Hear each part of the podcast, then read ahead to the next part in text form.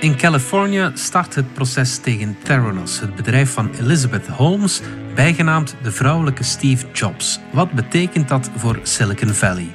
En wetenschappers hebben uitgezocht hoe je suiker kan maken in de ruimte. Het is vrijdag 3 september. Ik ben Alexander Lippenveld en van de Standaard is dit Bits en Atomen.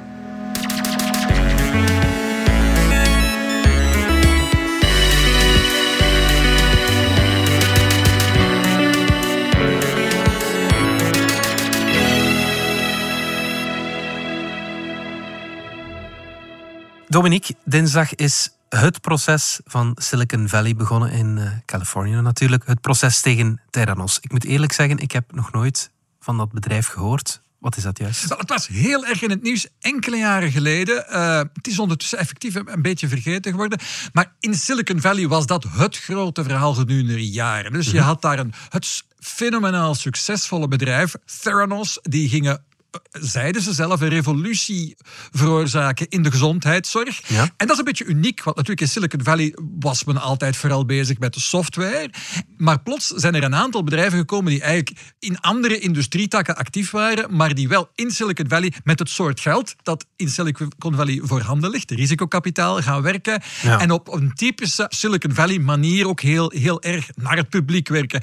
Een beetje zoals uh, Tesla, een autobedrijf à la Silicon Valley is, was Theranos, die twee bedrijven. Er zijn wel wat parallellen, waar ik misschien hmm. straks even over kunnen hebben. Maar Theranos was uh, puur oplichting uiteindelijk, of hmm. tenminste is het uiteindelijk geworden. Opgericht in 2003 door een, uh, heel charismatisch en uniek figuur, hmm. Elizabeth Holmes, meisje van 19. Ze was 19 en eerstejaars okay, student. Uh, toen ze een patentaanvraag heeft gedaan, ze had plots een idee. Ik ga iets revolutionair doen met bloedonderzoek. Kan je dat even nou, uitleggen? Ze beloofde dat ze zouden een bloed, honderden bloedtests uitvoeren zonder dat je echt een bloedafname moest doen. Klein prikje in de vinger, een micro druppeltje bloed en dan zouden ze alle bloedtests, honderden, kunnen uitvoeren in een machine die er super uh, blitz uitzag. Een, een, klein toestelletje dat dan daar bij de apotheek of zo zou kunnen staan. En meneer de minister van Financiën, spotgoedkoop ook nog eens. Ze kreeg haar patent, ze was 19, het was 2003 en ze richt haar bedrijf op. En zo heeft ze, uiteindelijk dat bedrijf heeft tot ja, ik geloof dat het pas echt op de fles officieel is gegaan in 2018. maar laten we zeggen dat ze bijna 15 jaar lang gewerkt hebben. Eerst eigenlijk in, strikte geheim, maar ze kreeg vanzelf geld los. Hè. Ze, uh, ze hadden uitstraling. Een, voilà, een uitstraling. En dus uh, ze probeerde zich voor te doen als de nieuwe vrouwelijke Steve Jobs. En dat lukte erg goed. Ze heeft uh, mensen uit de top van de politiek eigenlijk. Hè. Dus in haar bestuur zat voormalig minister George Shultz.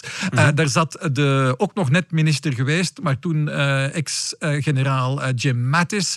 En Henry Kissinger. Henry Kissinger. De Henry Kissinger. het bestuur van Rupert Murdoch. En ja. dus voilà, okay. Rupert Murdoch was investeerder. Ja, dus al die mensen waren meegetrokken in dit avontuur. Mensen met heel veel geld, mensen met heel veel prestige en met mensen met zero kennis van medische wetenschap. Mm, en daar ging het vooral om, want er was een probleem. Hè. Ze, ze, hadden het niet, het werkte niet. Ze, ze hadden eigenlijk niks in handen ze wilden dus niet te veel op de vingers gekeken door mensen die konden zeggen van ja, maar wat dat jullie zeggen, fysiek is dat niet mogelijk. Het kan niet.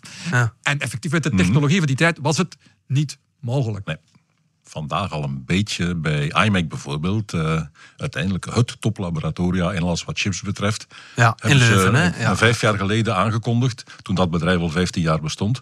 Van wij denken dat we binnen vijf jaar een chip zullen hebben die kan doen wat deze mevrouw belooft. Ah ja, okay. Die chip is er gekomen, die chip is er nu en die werkt. Ja, ja, ja. ja, En bij iMac, bij dat bedrijf, uh, publiceren ze wel wat ze doen. En uh, laten ze wel mensen kijken wat ze doen.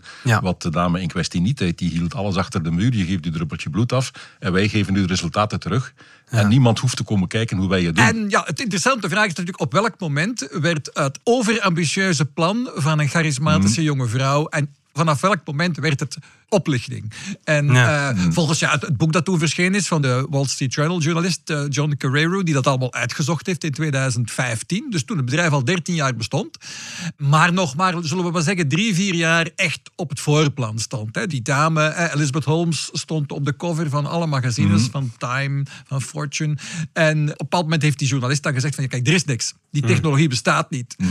En niemand wilde dat afhankelijk horen. Men gunde die vrouw echt dat succes. Men wilde ook wel zo'n vrouwelijke Steve Jobs. Dat verhaal kwam mensen echt goed uit. Klink, klonk het van in het begin niet vrij onwaarschijnlijk wat ze belooft met een druppeltje bloed wat was het, 200 tests uitvoeren. Je hebt nu eenmaal bloed nodig om die tests uit te voeren. Hè? Dat klopt, het klonk onwaarschijnlijk, maar de trend op dat moment in de hele scheikunde was inderdaad dat je met steeds kleinere monsters steeds meer analyses kunt doen. Maar daar dus is toch een grens op? Daar is een grens op. Wat iMac vandaag doet uh, met die chip, die kunnen inderdaad een reeks tests doen, maar niet allemaal op dat ene druppeltje. Nee, nee, die moeten per test een nieuw druppeltje erop doen en met elk druppeltje kunnen ze één test uit een machine halen. Ja, ja, ze hebben onlangs beloofd in, in mei nog dat ze binnenkort ook een COVID-test bijvoorbeeld gaan kunnen doen. Ah, dus ze zijn nu de chip aan het ontwikkelen die de reacties uh, moet doen om uit bloed uh, COVID te halen. Maar per test hebben ze een nieuwe chip nodig die ze ontwikkelen en die dan die test kan doen. Vandaag kan het toen zij het uh, beloofde, dachten mensen het moet ooit kunnen. En we zullen ze maar geloven. Alleen toen was het onmogelijk, technisch gezien. Mm -hmm. En vooral zodra dat ze ontdekt hadden, en volgens, volgens dat boek uh, Bad Blood begonnen ze rond 2007 eigenlijk al door te hebben dat ze mm. op een dood spoor zaten. En sindsdien zijn ze meer en meer gaan faken, gaan bedriegen. Wie uh, durfde zeggen binnen het bedrijf, ja, het kan niet. Mm. We, we, moeten het uitstellen of we moeten aan de mensen toegeven dat het momenteel niet werkt werd ontslagen. Hè. Dus mensen waren bang voor hun job, uh, bang om uh, proces aangedaan te krijgen van, de, van die bedrijfstop. Die bestond uit Elizabeth Holmes en haar, haar vriend uh, Ramesh Balwani. Dus dat duo heeft uiteindelijk echt een, een terreurbewind binnen dat bedrijf mm gehad. Hè. De, de baas van het labo heeft zelfmoord gepleegd. Dat mm soort dingen was, was okay. gegaan. Dat ging allemaal heel, heel ver dat staat nu eigenlijk terecht. Hè. Um, in hoeverre heeft Elizabeth Holmes bedrog gepleegd? Ik denk dat, dat dat boven alle twijfel verheven is. Al is het nu interessant dat zij nu blijkbaar gaat proberen de schuld zoveel mogelijk bij haar uh, voormalige partner, uh, ja, Balwani. Hij was pas co-baas van het bedrijf vanaf 2009, toen mm. ze eigenlijk dus al een jaar of zes bezig waren. Lijkt me heel onwaarschijnlijk. Maar de grote vraag is nu, ja... Zal ze veroordeeld worden? Ja, precies. Uh, geraakt ze ermee weg? Uiteindelijk wat zij doet is een klein beetje iets. Ja, zij is niet alleen. Neem een bedrijf als Tesla. Elon Musk die heeft ook op veel momenten dingen beloofd die hij nog niet kan mhm. waarmaken. De eerste Tesla die hij demonstreerde was eigenlijk een BMW-onderstel waar dat ze een paar platen bovenop hadden gezet om dat te camoufleren en dat werkte niet. Dat soort dingen zijn al eerder gebeurd. Mhm. Waar is de grens tussen ik heb visie en ik vertel mijn visie en ik zeg van we gaan het allemaal kunnen doen en we gaan de nodige mensen in huis halen en we zijn er al bijna. Wanneer wordt het bedrog? Dat, dat, dat, is bij veel bedrijven al de vraag geweest. Zoals die Carrero het formuleerde in een interview onlangs. Die zei van ja, dus wat hier terecht staat is de cultuur van Silicon Valley die men wel eens omschrijft als fake it till you make it. Het is best oké om iets te zeggen dat niet helemaal waar is of nog niet helemaal waar is, want je bent tenslotte een visionaire mhm. CEO. Je, wilt, je, moet de mensen toch meetrekken. En dus dat je iets vertelt dat niet helemaal klopt, best wel oké. Dat je daarbij ook een beetje over ja, in dit geval mhm. letterlijk lijken. Maar bijvoorbeeld ja, van een Steve Jobs werd, was vroeger ook bekend dat hij genadeloos kon zijn voor mensen die hem tegenspraken mhm. of die dachten dat iets niet mogelijk was. Waar ligt de grens? En wat die Carrero zegt, en ik kon hem daar heel goed in volgen, is van kijk, als Elizabeth Holmes nu wordt vrijgesproken, gaat het signaal uit van ja, kijk, dit kan. Ja. Zo was er misschien een beetje over gegaan, maar zelfs dat is niet echt strafbaar. Dus iets vertellen dat niet waar is aan je financiers en aan je klanten. Mm Dat kan nog, voilà, is dat best wel oké. Als ze veroordeeld wordt, daarentegen zou het signaal kunnen gaan van dit kan niet meer.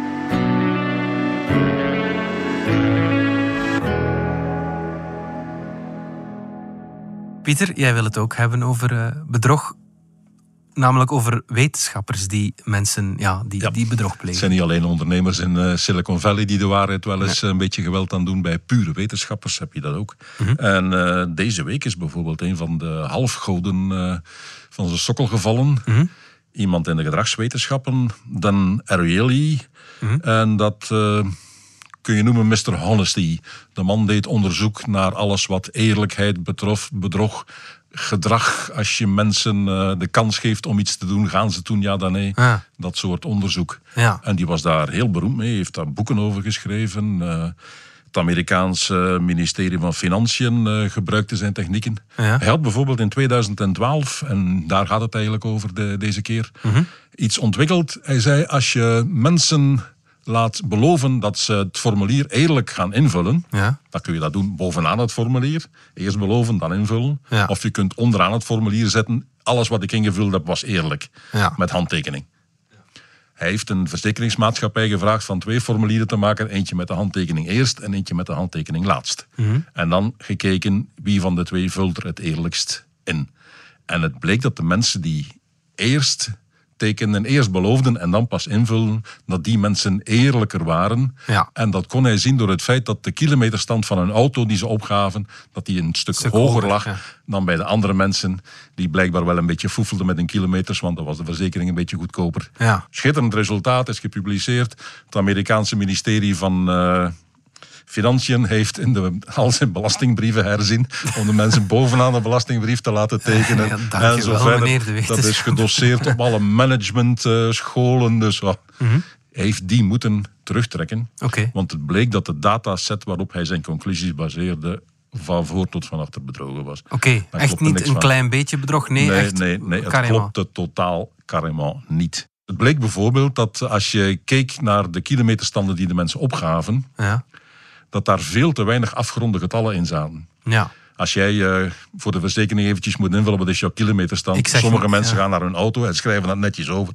Andere mensen zeggen ja, 76.600 ongeveer op die laatste twee steken die hups. En eh, die vullen van in hun stoel in. Ja. Alleen in deze dataset zaten veel te weinig van dat soort afgeronde getallen.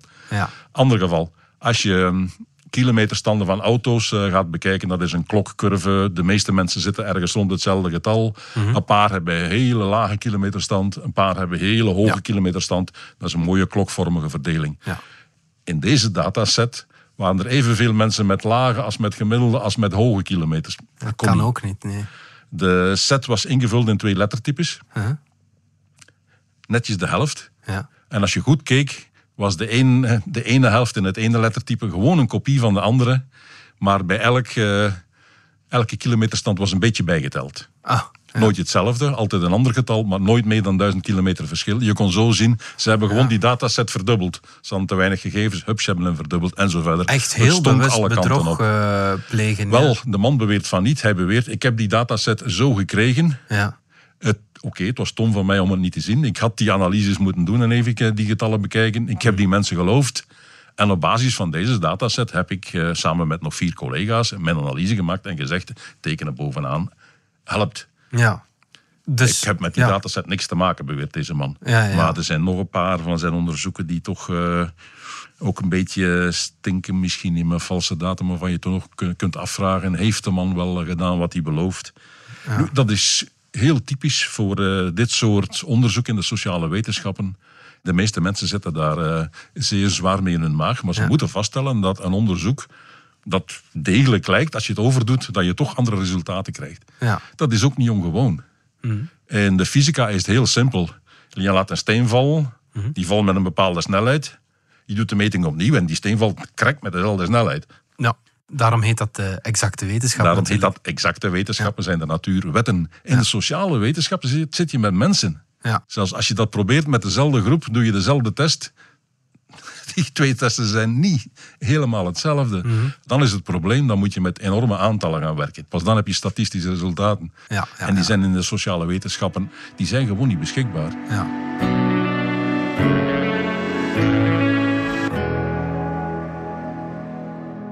Dominique, binnenkort komt de nieuwe iPhone op de markt en meer en meer details lekken daarvan uit. Wat blijkt, hij kan zelfs communiceren met een satelliet.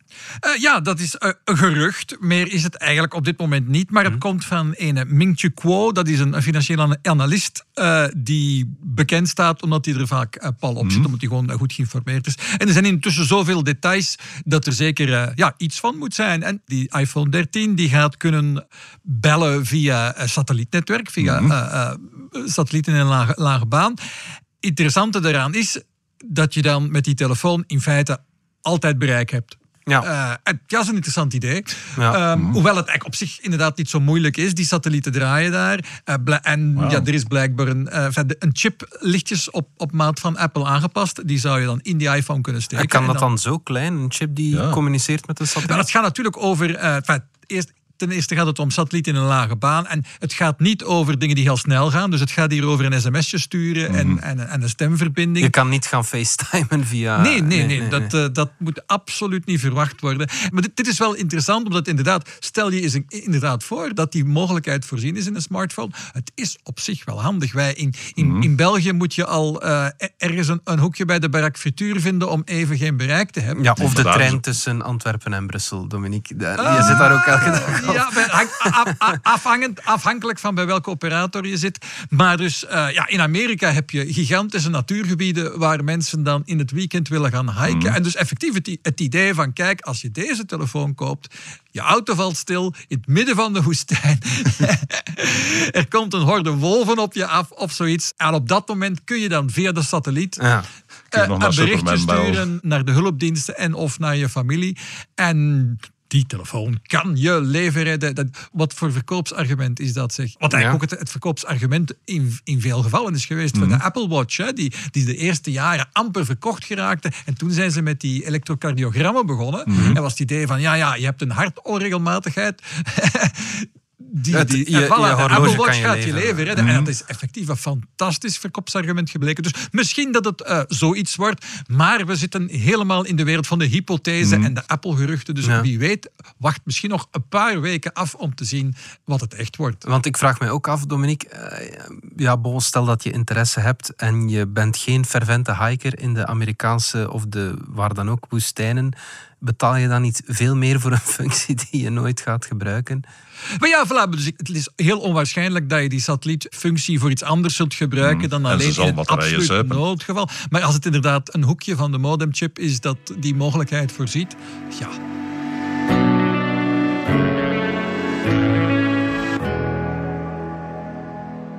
We blijven nog even in de ruimte. Onderzoekers gaan daar suiker maken, Pieter. De Universiteit van Berkeley heeft net bekendgemaakt dat ze een wedstrijd van de NASA gewonnen hebben om uh, suiker te maken in uh, de ruimte. Okay. de NASA heeft, een hele reeks van dat soort wedstrijden waarin ze de ruimtevaart proberen vooruit te duwen. Er is er uh, eentje voor het 3D-printen van een, een basis of een woonst op de maan. Okay. Er is er eentje die heet What's on the Moon, dus elektriciteit, genereren op de maan. Ja. Er is er eentje die probeert van uh, kunstmatig uh, weefsel te maken met bloedvaten enzovoort erin. Om eventueel eh, onderweg dingen te repareren die, die kapot gaan aan de ruimtevaders. Ja. Er is er eentje die naar voedsel in de ruimte aan het zoeken is. zo weinig mogelijk materiaal nodig en zo weinig mogelijk afval aan de andere kant. Ja. Dat soort dingen. IJswinning op de maan. Dus er zijn een hele reeks van die wedstrijden. Suiker in de ruimte is er eentje van. En waarom? ze willen met die suiker microben gaan voeden, mhm. die dan weer andere dingen kunnen doen. Voedsel maken, uh, bioplastics uh, maken, geneesmiddelen fabriceren. Dus er zijn wel een aantal dingen die je bacteriën kunt laten doen. Ja. Dat doen we op aarde ook al, maar je moet die bacteriën wel eten geven. En suiker is dan een goede manier. Ja. Nu, het probleem is, hoe maak je suiker? de klassieke manier om het te doen is gewoon planten het te laten doen. Planten dienen ergens anders voor. Planten halen CO2 uit de lucht en maken daar suikers mee. En met die suikers maken ze dan van alles en nog wat. Mhm. Dus je hebt eigenlijk planten die het gratis voor je doen. Waarom zou je het in godsnaam chemisch uh, gaan ik denk dat ik het weet, omdat er geen CO2 in de ruimte is. Klopt dat? Uh, dat is niet het probleem. Zowel die planten hebben CO2 nodig als deze chemische reactie start met CO2. Ja. Maar het verschil is, hier op aarde, planten kunnen netjes groeien, er is licht en zo verder. In de ruimte planten laten groeien is al een truc op zich. Ja. Dat is al niet evident. Er zijn uh, plaatsen en plekken waar het nooit zal lukken, omdat je geen licht hebt, omdat je de, de zuurstofomstandigheden niet goed hebt en zo verder. Mhm. met, met chemie is dat allemaal geen probleem. Dus het kan handig zijn om zonder planten toch een manier te hebben om suiker te maken. Ja. Dat is deze kerels gelukt. Het was niet evident. Uh, de chemische details zijn uh, niet om te lachen. Mhm. Zoals altijd uh, bij dit soort onderzoek begin je eens met de literatuur door te spitten om te kijken wat andere mensen al gedaan hebben en wat je daarvan kunt gebruiken. En tot hun eigen grote verwondering, het resultaat was nul. Ja. Er was gewoon geen literatuur over hoe kan ik uit CO2 suiker maken. Gek genoeg. Oké, ja. Maar goed, er, eh, er, was een hoop eh, elektrochemie aan eh, te pas om het te doen. En het is deze kerels gelukt. in kleine hoeveelheden, ja, ja, grammetjes suiker om dan in een ruimte wat dingen mee te maken. astronauten om op hun pannenkoek ja, op een maanbasis of een marsbasis kan het natuurlijk leuk zijn. Hè?